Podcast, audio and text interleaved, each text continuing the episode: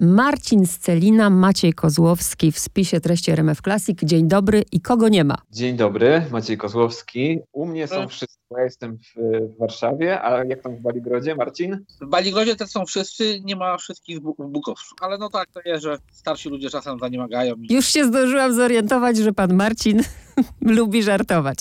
Ale powiedzmy słuchaczom, że brakuje pana Kazimierza Nóżki, a spotykamy się w związku z książką, a właściwie z drugą częścią y, książki z serii Zanim wyjedziesz w Bieszczady. Właściwie to chciałam zapytać, jak się pisze bestsellery, bo ta pierwsza część, co od razu stała się bestsellerem, jak to jest napisać bestseller? Powiem szczerze, Maciek powinien to powiedzieć, on jakiś jest taki bardzo się kryje, bo on to pisał, także może niech powie, co nie, nie się pochwali chociaż raz w życiu, co nie. Spłonąłem rumieńcem teraz, tak. Pisało się bardzo przyjemnie, muszę przyznać, bo jak pani widzi, zabawowe towarzystwo, a jeśli się dobiorą w dwójkę, to już jest w ogóle no, taki cyrk latający baligrodzki. Trochę Monty Python, trochę jakieś takie klimaty polskie. No jest to cyrk botaniczny, więc jeśli potrafi sobie pani wyobrazić takie połączenie rozmów o roślinach, przekomarzanek, ciętych ripost, no to to jest właśnie Marcin i Kaziu w pełnej krasie. Chodziliśmy sobie po lesie, nagrywaliśmy różne rozmowy i właściwie cały ten mój plan, z którym jechałem do Baligrodu, wziął w łeb, bo okazuje się, że to są na tyle silne osobowości, że trzeba się do nich dopasować, a nie do jakichś planów i tabelek e, z pytaniami. Więc w efekcie wyszedł taki podwójny portret z bieszczackim sztafarzem. Jest w tym trochę historii, trochę botaniki, trochę wiedzy o zwierzętach. Generalnie zależało nam na tym, żeby, żeby to była właśnie historia, która nie, nie tworzy takich podziałów między tym, co ludzkie, tym co zwierzęce, tym co roślinne. Jest to taka opowieść, w której jest wszystkiego po trosze. Ja słuchaczom dopowiem, bo pewnie też dołączą ci, którzy być może nie słyszeli, chociaż jak to możliwe, ale być może nie słyszeli o, tym, o tej pierwszej części, zanim wyjedziesz w Bieszczady. I tutaj dopowiem słuchaczom, że pan Kazimierz Nóżka i Marcin Scelina są leśnikami z Bieszczadzkiego Nadleśnictwa Baligród, a pan Maciej Kozłowski jest kulturoznawcą i pisarzem, narratorem, można tak powiedzieć. W drugiej części e, przystanek jezioro, nic się nie zmieniło. Dalej jestem narratorem, dalej jest Marcin, dalej jest Kaziu. Natomiast pojawiło się kilku nowych gości. Przede wszystkim powitaliśmy na pokładzie Rafała Borcza, który jest malarzem, profesorem SP i towarzyszy nam właściwie przez całą tą narrację od początku książki do końca. A do tego pełno innych gości, lokalnych mieszkańców, ponieważ chodziło o to, żeby oddać głos Bieszczadom. Nie opierać się, tak jak w pierwszej książce, na e, lekturach, filmach, e, serialach typu Wataha, tylko właśnie porozmawiać z ludźmi i posłuchać, co oni mają do powiedzenia na temat, jak to Marcin mówi, bieszczadzkiej wody. Tych ludzi jest tam dużo, to są różni ludzie, także całkiem to jest taki, można powiedzieć, niż masz. To nie jest tak, że wybraliśmy, no po prostu normalni ludzie, którzy gdzieś tam w Bieszczadach żyją i, i, i różne rzeczy dziwne robią, co nie. Można powiedzieć tak samo zwykli szarze ludzie jak ja i Kaziu, także nie są to jakieś tam osoby z pierwszych stron także. A propos, pan Kazimierz Nóżka, niezmordowany tropiciel drapieżników i doskonały gawędziarz i pan Marcin Stelina, botanik, pewnie jedyny z niewielu w tym kraju ludzi, którzy nawet zamykając powieki przed snem wymieniają w myślach nazwy roślin po łacinie. Czy trzeba czytać pierwszą część, żeby przeczytać drugą? Czy tak naprawdę druga to jest przystanek jezioro i tu jest tematem woda i można sobie czytać to niezależnie? Powiem ja, bo Maciek pisał. Nie trzeba, to są książki niezależne, także można śmiało, jak komuś się podoba pierwsza, pewnie przeczyta drugą, jak komuś się spodoba, pewnie sięgnie do pierwszej. Są one dość y, niezależne i można powiedzieć, to całkowicie są różne fabuły tych książek, także jeśli można tak mówić o tej książce. Jedna, się będzie bardziej podobała jednym ludziom, inna drugim, także każdy coś tam dla siebie znajdzie. No. Każdy ma swoje zainteresowania. To nie jest serial. Wiem, że Maciek lubi seriale, ja nie cierpię seriali, y, Kaziu też nie cierpi seriali, chociaż wiem, że czasami ogląda telewizję ja raczej tam telewizji nie oglądam, a seriali to już w ogóle. A Maciek wiem, że on tym żyje. Jemu się marzyło, żeby napisać w ogóle takiego Harlekina, to, nie, że to było bardzo długie, wiele części po prostu nie mamy aż tak barwnego życia, żeby napisać siedem książek, co nie u nas. Ja zanim zapytam o to, w jakim kontekście jest ta woda, bo ta woda jest w różnych kontekstach, to a propos tytułu. Ja jestem wielką fanką i tu się dogadamy, panie Macieju, absolutnie. Wielką fanką przystanku Alaska. Tak, to była inspiracja. Chciałem, żeby ten tytuł nawiązywał. Trochę to jest takie pokazanie społeczności, więc e, wbrew pozorom nie jest to tylko nawiązanie tytułem, ale też kwestia tego, że e, to są naprawdę bawne postaci. Od e, gospodyń wiejskich pani Alicji przez księdza Piotra, który się opiekuje bieszczadzkimi cerkwiami.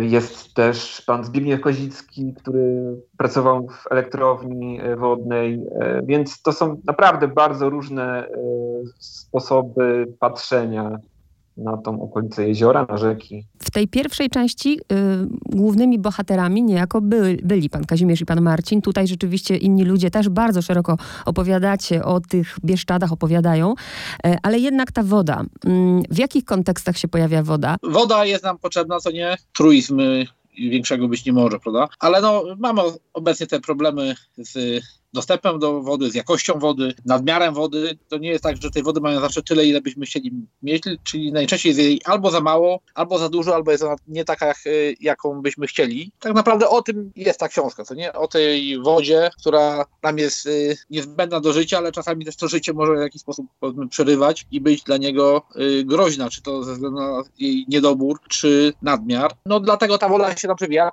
No tak wyszło, no pisaliśmy to się, tak jak Maciek powiedział, to miało być coś o Bieszczadach. Zobaczyliśmy, że powiedzmy temat jezior, jeziora Solickie jest taki można przewodnie, to też jest woda, prawda? W tym jest, już na ten temat jest książek wiele. Natomiast jest mało takich książek, które pokazują to w sposób no, taki subiektywny. Kazia historie gdzieś na dzieciństwa, z młodości y, z tą wodą związane. Y, ja jakieś moje tam wypociny powiedzmy o jakichś mkach i innych wątrobowcach, które potrafią mocno wodą nasiąknąć. No tak to jest, że ta woda się nam po prostu przewija, no bo to jest no, no, część naszego życia, to nie, no, nikt nas nie żyje bez wody. No i staraliśmy się jakoś ten temat tak ugryźć, a Maciek to jakoś zebrał e, do kupy, opracował. Natomiast, no mówię, to też musimy się obracać w czymś takim, co jest, no powiedzmy, jakoś tam strawne dla odbiorcy, prawda? bo można napisać, moglibyśmy napisać książkę fajną dla Maćka, Kazia i Marcina. Pewnie to musiały być trzy różne książki, co nie, bo na przykład wiem, że Maciek w ogóle nie lubi czytać o tym, co lubi czytać Kaziu. Ja na przykład w ogóle też nie lubię czytać o tym, co Kaziu znów czyta i Maciek łącznie wzięci, co nie, a Kaziu ponoć w ogóle nie czyta książek, także muszę ja mu je czytać, to nie, bo on jest raczej dość oporny do słowa pisanego. Nie, no teraz tak żartuję, to nie, ale, ale no tak to jest, że no, musieliśmy jakoś się tak w, w jak to się mówi, wtrybić w te takie społeczne y, konwencje, żeby ludzi jakoś też zaciekawić tym y, tematem. To nie mogliśmy napisać książkę popularno-naukową czy naukową wręcz na temat wody, ale no, nikt by tego nie czytał, a staraliśmy się te rzeczy, takie no, problemy, które nas dotykają, wszystkich ludzi, jakoś y, tak ludziom podać w sposób strawny, wciąż taką spogranicza, powiedzmy, opowieści, gawęd i różnych dziwnych historyjek. Ja, ja coś nawet zastanawiałam, panie Macieju, jak się panu pracowało, bo słuchacze mam nadzieję, że już weszli w tę narrację y, pana Marcina, który mówi, a moje wypociny mchach to nie są takie wypociny. I się zastanawiałam, jak pan, panie Macieju, spisywał na przykład bardzo skomplikowane nazwy różnych roślin, to się zastanawiam, czy pan nie miał takiego, takiej obawy, że e, pan Marcin wpuszcza pana w maliny. Takie obawy zawsze są, chociaż muszę przyznać, że w statystykach to jednak Kaziu jest taki prędszy do wpuszczania w maliny.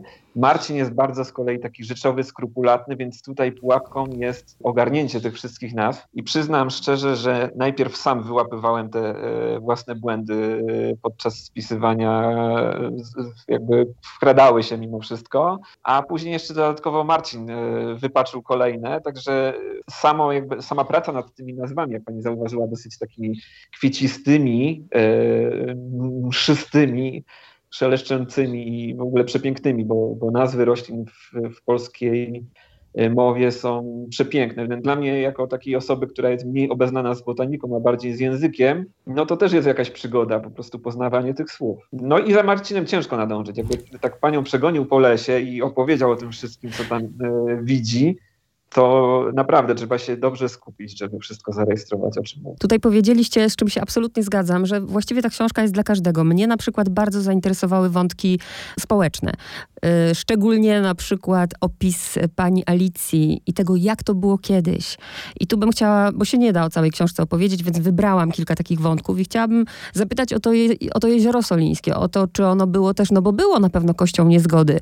Jedni nie chcieli, żeby ten zbiornik powstał, inni, inni chcieli. E, pani Alicja e, z kolei mm, opisuje swoje życie tak jakby, tak jakby była w ogóle odcięta od rzeczywistości, od świata. Tak, bo to zaskoczyło mnie bardzo w relacjach świadków tamtych, powiedzmy, wydarzeń. To, że właściwie żadna z tych osób nie zgłaszała jakiegoś większego żalu o to, co się tam stało. Mówię o osobach, które mieszkały we wsiach, które e, zostały, powiedzmy, zalane. Możliwe, że też to jest kwestia tego, że dosyć wcześnie informowano o tych, to już po wojnie były informacje o tym, że powstanie jezioro, były już wręcz zakazy y, budowania nowych y, budynków i wiązało się to w pewnym sensie z jakimś tam awansem cywilizacyjnym, ponieważ ci ludzie budowali nowe domy, więc myślę, że też w pewnym sensie mogli to odczuć jako pewną ulgę. Ale mimo wszystko spodziewałem się takich nostalgicznych opowieści, przepełnionych żalem. Raczej tego nie było. E, natomiast faktycznie ta opowieść pani Alicji i pani Krystyny no jest bardzo mocna. Przede wszystkim raz, że to jest taka kobieca faktycznie opowieść, e, jedyna taka, taka mocno kobieca, bo one opowiadają o, o realiach takiego życia na Cyplu właściwie, ponieważ ta wieś Solina, od której e, wzięła nazwę praktycznie cała zapora, i e, jezioro e, znajdowała się w takim miejscu, które było okolone tą rzeką. One opowiadały o tym, jak trudne było wydostanie się stamtąd. Pani Krystyna stwierdziła, że chciała być fryzjerką, ale dla niej to było, jak to mówiła, przekroczenie trzech wód. Tak. Taka ostra przeprawa, żeby gdziekolwiek dotrzeć. No i cała ta, ta wspaniała opowieść o chodzeniu na szczudłach, która wraca w tej opowieści.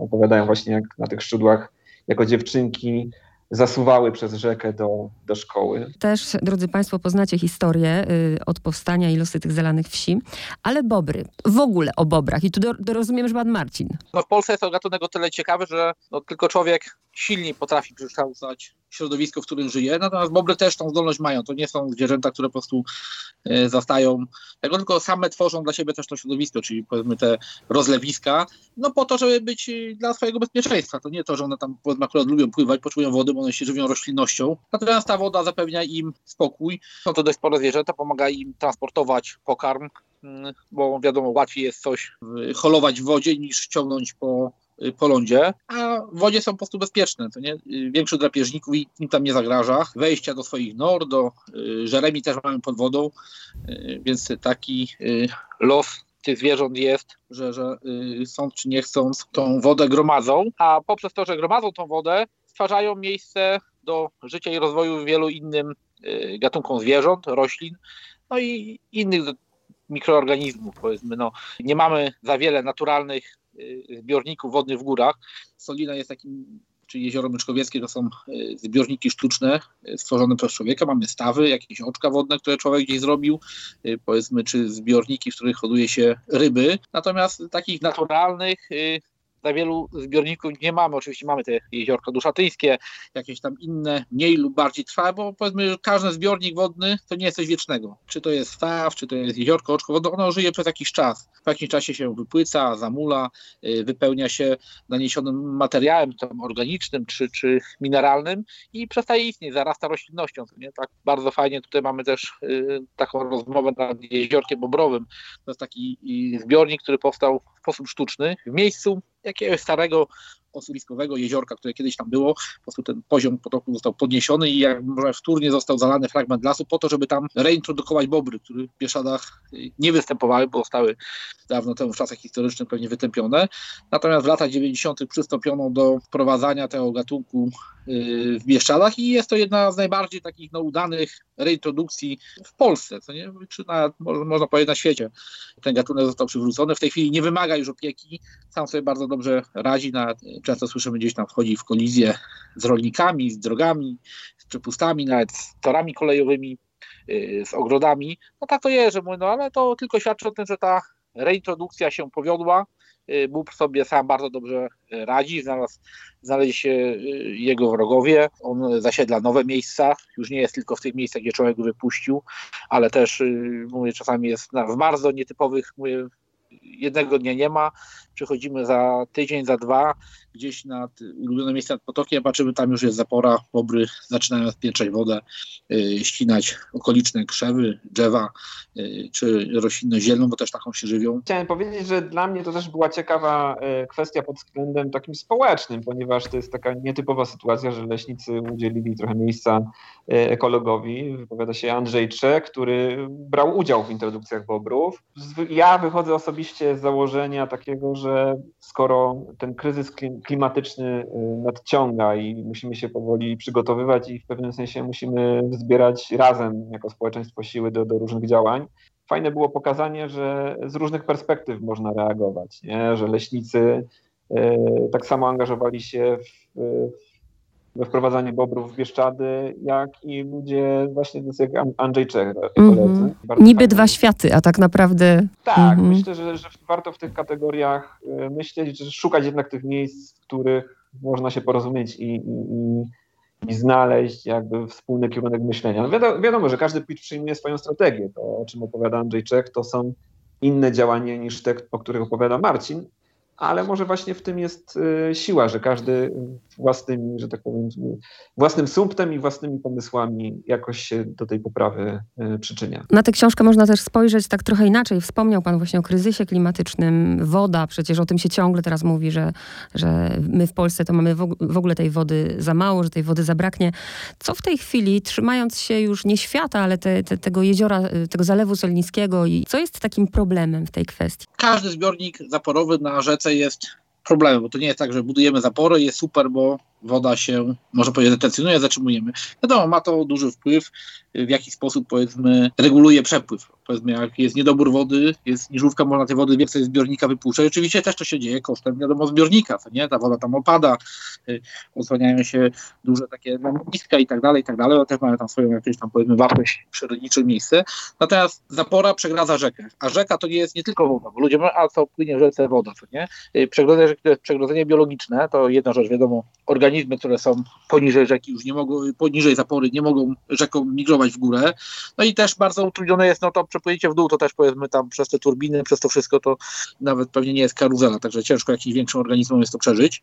Natomiast y, zapora też zatrzymuje to wszystko, co płynie z rzeką, czyli rumor skalny, fragmenty mniejsze lub większe drewna, materię organiczną i to wszystko wpadając do jeziora osadza się, stąd tworzą się takie, można powiedzieć, no może nie delty, ale takie cofki, e, tam gdzie wpadają rzeki, większe e, potoki do jeziora, ten materiał rzeka wyhamowuje, to wszystko się osadza. No, wiadomo, jak jest duża woda w górach, duże opady, to te rzeki niosą mnóstwo rumoszu, niosą mnóstwo drewna, Natomiast poniżej zapory tego zaczyna brakować. Rzeka zaczyna się wcinać mocniej w teren, czyli ostatnie łachy żwiru są zabierane. Później tych łach brakuje. Wiele gatunków ryb na przykład no, potrzebuje do rozrodu mieć dno żwirowe. Natomiast jak nie ma dna żwirowego, jest dno skaliste, ponieważ no, to są góry, yy, rzeki płyną yy, mówię po, po skalistym dnie, natomiast brakuje tego żwiru, y, no to jest problem dla tych ryb. Ta rzeka też jej biologia zmienia się, także mówię w tej chwili już y, na, y, w Sanie, na drugim odcinku poniżej zapory, tego żwiru prawie już nie ma, gdzie ja jeszcze pamiętam z dzieciństwa z lat 80. tych łach żwiru było całkiem sporo.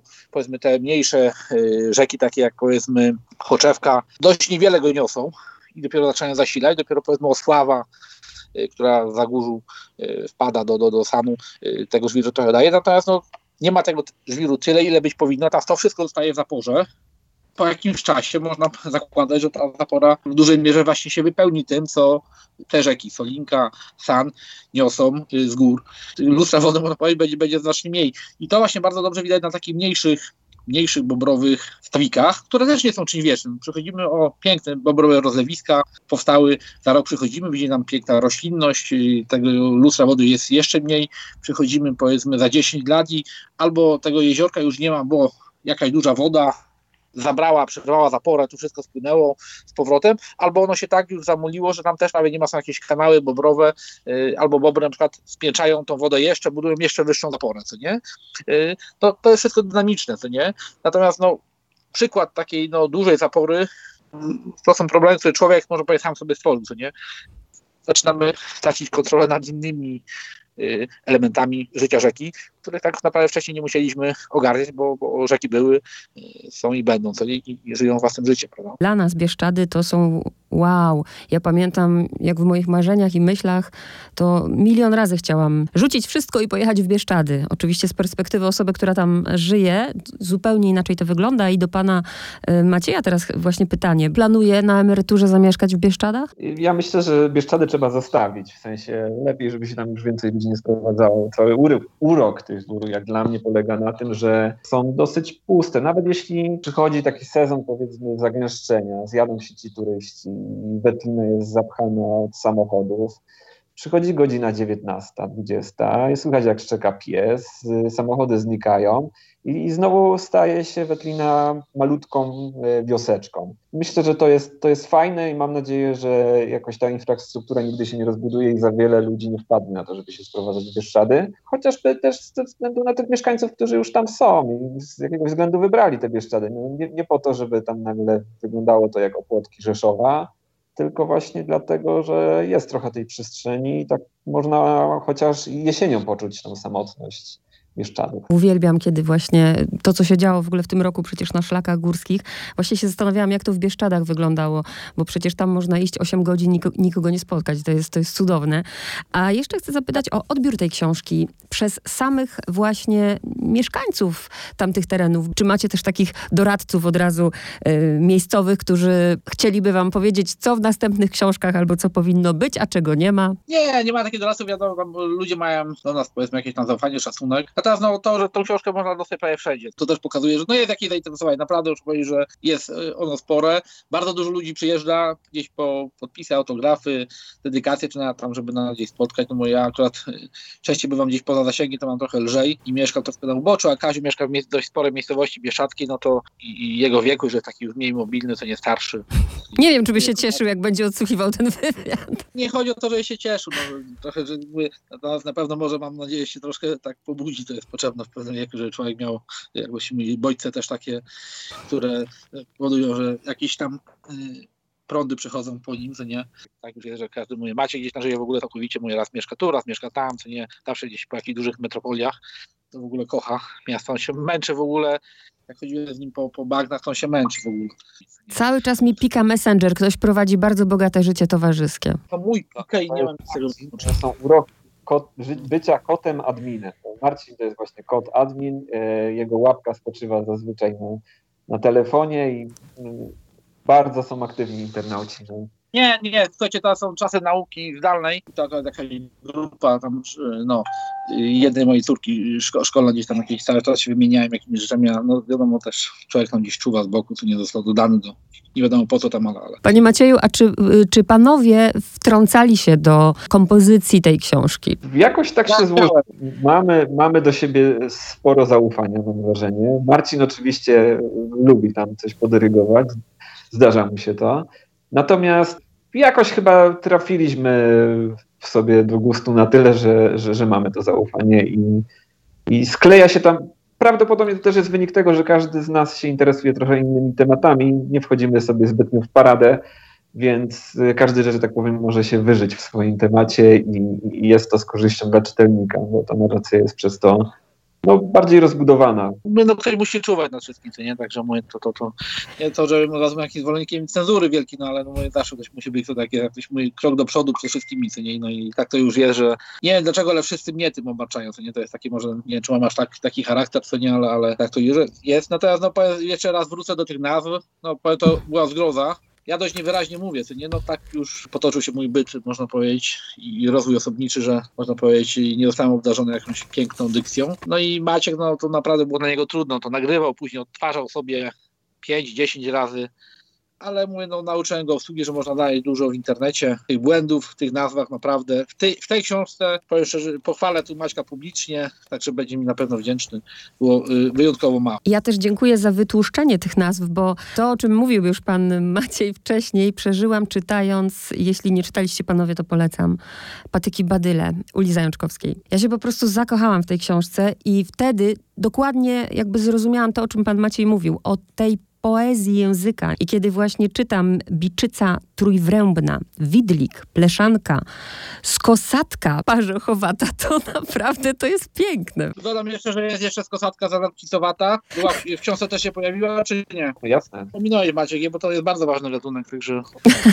Na koniec, bo oczywiście nie jesteśmy w stanie o wszystkim powiedzieć, pojawiają się też akcenty muzyczne tutaj, obyczajowe, ale to już słuchacze doczytają. Co stanowiło taką trudność akurat przy tym tomie? Ja powiem, że dla nas nic, bo to dla nas ta praca jest miła, fajna i przyjemna. Nie Maciek przyjeżdża. Oczywiście, no wiadomo, no, trzeba się nie zająć wtedy, co nie to wiadomo, człowiek całkowicie jest wybitny takiego rytmu życia rodzinno-towarzyskiego, co nie, bo nagle trzeba się zająć człowiekiem z dużego miasta, co nie, też ma swoje wymagania, to tamto lubi to, także nie jest tak, że to po prostu dla nas jest takie łatwe i ten, no ale no, wnosiliśmy to w miarę dzielnie, staraliśmy się zaspokoić wszelkie jego potrzeby. Okazuje się, że jak pobędzie tam powiedzmy dwa, trzy dni, to już jest troszkę tak zmęczony i te jego potrzeby, takie marudzenie, wybrzydzanie y, spadają, już nie jest taki, taki ten. Natomiast tak naprawdę no, większość tej pracy takiej pisarskiej to yy, leżała na nim. Yy, Kaziu jest w ogóle bardzo leniwy. Ja też nie powiem, że byłem jakiś tytanem pracy, co nie. Natomiast Maciek, no, no ale to jest jego praca, co nie. My mamy swój zawód, co pracujemy, co nie na co dzień. No ciężko tam wymagać powiedzmy od starszego człowieka, jakim jest Kaziu, żeby jeszcze po nocy siedział, powiedzmy tam piórem gęsi pisał jakieś tam powiedzmy y, barwne teksty. Natomiast no Maciek to lubi, to jest jego zawód, swoim życiem pokierował. Y, no i to głównie on robił gdzieś tam w zaciszu. Do nas po prostu przyjeżdżał od czasu do czasu, po czym znikał i tak było w pierwszej książce, i tak samo było w drugiej. Też nie przywykły do, do, do, do recenzowania, cenzurowania, sprawdzania pracy innych, co nie, bo tak my jesteśmy, y, mamy, ja i Kaziu dość duże zaufanie do współpracowników. Y, sprawdzi, bo zwłaszcza te nazwy mchów i wątrobowców to nie jest prosta sprawa. A dla Maćka jest to wiedza całkowicie obca, powiedziałbym, y, ponoć mi ktoś mówił, że ostatni raz o wątrobowcach miał bodajże w siódmej klasie szkoły podstawowej, nie pamiętam jaki program, ja też kończyłem tą szkołę podstawową bardzo dawno temu, ale ponoć właśnie w siódmej klasie było y, życie roślin i tam były poznawane y, cykle te gametofity, sporofity, y, mychy i wątrobówkę, co nie. To ja myślę, że ja mogę mówić o tym, że to jest dla mnie obcy świat, ale myślę, że dla pana Macieja już nie, po napisaniu książki. Wbrew pozorom to jest jednak cały czas tak, że to Marcin jest, że tak powiem, taką żywą encyklopedią i nawet nie próbuje z nim konkurować w tej wiedzy Y, zawsze daję mu prym, ponieważ no, on jest specjalistą od tego tematu, więc tutaj oddaję mu pole. Dla mnie najciekawsze jest składanie tej książki jako narracji pewnej. Cała książka miała też jakąś swoją wymowę, więc kolejność rozdziałów ma swoje znaczenie. Nawet te drobne cytaciki na początek jako motto mają być takim w pewnym sensie wskaźnikiem, jak patrzeć na na bohaterów tej książki. Dla mnie też zawsze bardzo ważne są te rzeczy, o których Pan mówi, bardzo ważne są zdjęcia. Nawet miałam wrażenie, że może trochę ich mi za mało jest, a to zdjęcie jest boskie. A, tak, na otwarcie. E, to właśnie warto spojrzeć, ilu, i, ilu ludzi na barkach jednego gigantu potrafi się wesprzeć. Jednego giganta. Ale widzi pani, jak on się cieszy z tego powodu. Pełna Ale tak na to nie spojrzałam. To jest bardzo, nie, bardzo kreatywne. Gdyby Maciek leżał tam, powiem, ja nie jestem lekki, Kaziu też nie należy do szczupłych, co nie? Powiem szczerze, mógłby teraz y, z nami rozmawiać, no, co najmniej z wózka inwalidzkiego lub nosić jakieś kołnierze na szyi, no wiadomo, no... Y, Kaziu no, znów jest no, taki no, dość rozlazły, jakbyśmy go tam docisnęli w jego wieku, no to już nie, no, nie wypada, żeby dwóch młodych byczków to nie skakało po starszym dziadku. On się biedny nie może bronić. To jest też piękne, bo o to nie zahaczyłam, chociaż na koniec. Patrzę na to zdjęcie, to z taką czułością, panie Marcinie, do tych Ale muchów. Powiem, to, y, muszę pochwalić, ja powiem wam, że no, jest między nami duża taka no, przestrzeń wiekowa. To nie Kaziu zawsze marzył, to powtórzę już pewnie dziesiąty raz, on pewnie kiedyś marzył, że był jego zięciem. Na całe szczęście to się y, nie przytrafiło, bo zdążyłem się ożenić zanim jego poznałem, natomiast biorę pewnie wszystko, żeby y, mnie stłamsić. No wtedy bym tutaj na pewno nie siedział, nie pisałbym książek, pewnie bym woził jakieś drewno, taczkami mu tam, do, to jest tego typu człowiek. Natomiast y, powiem, największa moja to jest to, że mówię, on nigdy się tym nie interesował, natomiast ma taką naturalną intuicję, i spostrzegawczość, że potrafi wypatrzyć, gdzie coś jest coś rzadkiego, innego, choć nie zawsze potrafi ten byt nazwać, czy nawet rozpoznać. Tyle rzeczy, co razem nam się udało gdzieś tam znaleźć, bo Kaziu miał nosa, gdzieś poszliśmy, a ja to tam gdzieś wynalazłem. Muszę powiedzieć, że chyba no nie znam takich drugich ludzi w Polsce, że powiedzmy, no i chociażby właśnie na tą taką no, no, rozpiętość wiekową, co nie, że jakiś dziadek schodzi z jakimś powiedzmy takim już średnio młodym człowiekiem po lesie i szukają mchów i wątrobowców, ale powiem naprawdę udaje nam się tych gatunków różnych, ciekawych znajdować sporo. No, no ale no może jest tak, dlatego że jesteśmy jednymi z nielicznych, którzy takich rzeczy szukają. Nigdy Maciek zaczął szukać, to może też by coś znalazł. Ale y, powiem, że y, mógłbym powiedzieć, że taką muzą moją, ponieważ przy nim, powiem, zaspoileruję trzeciej książki, pisząc książkę, udało mi się, można powiedzieć, znaleźć, no musiałem słuchać, jak akurat z Kaziem rozmawiał, co nie? Z nudów, bo już ileż można słuchać dziesiąty raz opowieści Kazia o jakichś tam zwierzaczkach. Znalazłem dość rzadki gatunek, ale nie będę mówił, jak się nazywa, może będzie to w trzeciej części książki. Nawet, nawet nie muszę pytać, to w takim razie chcę tylko wiedzieć, jaki to będzie przystanek. Temat już mamy, ale na razie może nie będziemy go zdradzać. Czy te książki czasem nie wywołają takiego efektu odwrotnego, którego niekoniecznie może byście chcieli? Chcemy, żeby ludzie po prostu Bieszczady jeździli w sposób świadomy i dlatego też te książki jakoś tak powstają. Tutaj głównym e, odpowiedzialnym za to jest Maciek, a akurat wybrał nas. No tak to jest, że czasami ktoś człowiek z dużego miasta e, gdzieś jakichś wieśniaków sobie upatrzy, co nie ludzi mieszkających powiedzmy na, na, na blisko, jak to się mówiło, na natury i będzie ich, jak to się mówi, eksploatował. No i no tak jest w tym przypadku, co nie, ale no, nie dajemy się, jakoś staramy się bronić. Żadnych złych nawyków wielkomiejskich jeszcze nam nie wpoił krew, także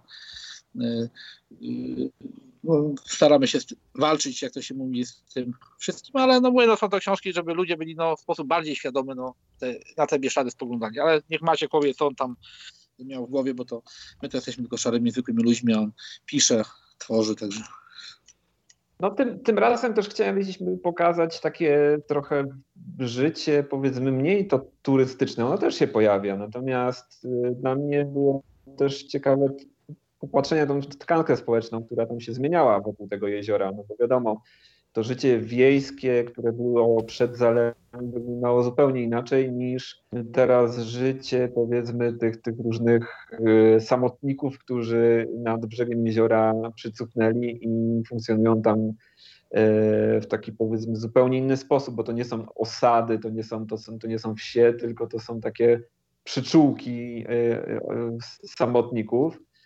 E, którzy mają zupełnie inne podejście do tej przestrzeni, zupełnie z innym bagażem doświadczeń tam przyjechali. E, ale też ciekawy było dla mnie ten moment, kiedy właśnie popłynęliśmy z Rafałem Borczem na kilka dni nad jezioro, żeby, żeby doznać takiego funkcjonowania tam nad jeziorem. I dla mnie to był taki moment taki trochę nostalgii za wsią, ponieważ no, moi, że tak powiem, przodkowie, czyli dziadkowie pochodzą ze wsi. Jeździłem na wieś e, na wakacje. E, jest tam taki fragment, kiedy Rafał Bocz mówi, no ja to jestem taki trochę ze wsi. E, kilka razy podchodziłem do tego zdania, bo chciałem je poprawiać najpierw, później stwierdziłem, że nie, nie, ono jest, ono jest super właśnie w tej wersji, ja to jestem taki trochę ze wsi bo mam wrażenie, że to jest zdanie, pod którym mogłoby się podpisać wielu z nas mhm. i właściwie ja sam mógłbym je wypowiedzieć w tej właśnie formie. E, e, I kiedy się ląduje w takich, takich wsiach e, bieszczadzkich, tam w okolicy właśnie jeziora, to, to ma się też taki kontakt po prostu z taką polską wsią, która jeszcze jest troszeczkę naznaczona taką kulturą ludową i ludową obyczajowością. E, to właśnie między innymi w tym rozdziale z panią Alicją, z panią Krystyną chciałem zawrzeć, nie? że jednak starsze osoby jeszcze są takim żywym przekazem kultury ludowej jeszcze tam jest przepięknie, jeszcze tam jest normalnie. Tam w Bieszczadach, bo ja już, ja po tej rozmowie to sobie wyciągam wnioski, że wszyscy w Bieszczadach żartują i w ogóle są weseli, a wy tam macie jakieś, jakąś taką, taki swój język. Pytam o to w kontekście, żeby po bieszczadzku z, y, zachęcić y, słuchaczy RMF Classic do czytania. Nie, nie mamy. Mówimy najczystszą polszczyzną, jaka tylko może być. Nawet Kaziu, który gdzieś tam y, pochodzi y, tych, można powiedzieć, takich terenów kresowych, też y, w żaden sposób nie zaciąga. Poza tym, że lubi kaszę gryczaną. Ja bardzo lubię słowo zawołoka, którym zwrócił się do mnie pan Stanisław Drozd z Myczkowa, który prowadzi tam muzeum. E, no i to jest taki przyjezdny właśnie, więc ja jestem w tej opowieści tym zawołoką, który przyjeżdża na miejsce i słucha. No mało sympatycznie to brzmi rzeczywiście, jak wywłoka. Jest, powiedział od razu, że to jest trochę takie złośliwe. Jest coś takiego też w kulturze bliskiej właśnie, że mm, na przyjezdnego spogląda się tak trochę z ciekawością, a trochę tak z podbyka. E, I, I, jest to takie chyba naturalne dla tej sytuacji, kiedy jednak żyje się w jakiejś tam społeczności, która dobrze się ze sobą zna i nagle ktoś przyjeżdża. I ten wzrok ląduje od razu na tym przyjezdnym i taka wzajemna gra się pojawia. Nie? Taki trochę ciekawości, trochę fascynacji, trochę takiego spotkania innego świata. Na koniec do Pana i do Pana pytanie. Dla mnie woda to. Proszę o dokończenie. Nie powiem Maciek pierwszy, ja później będę wymyślał.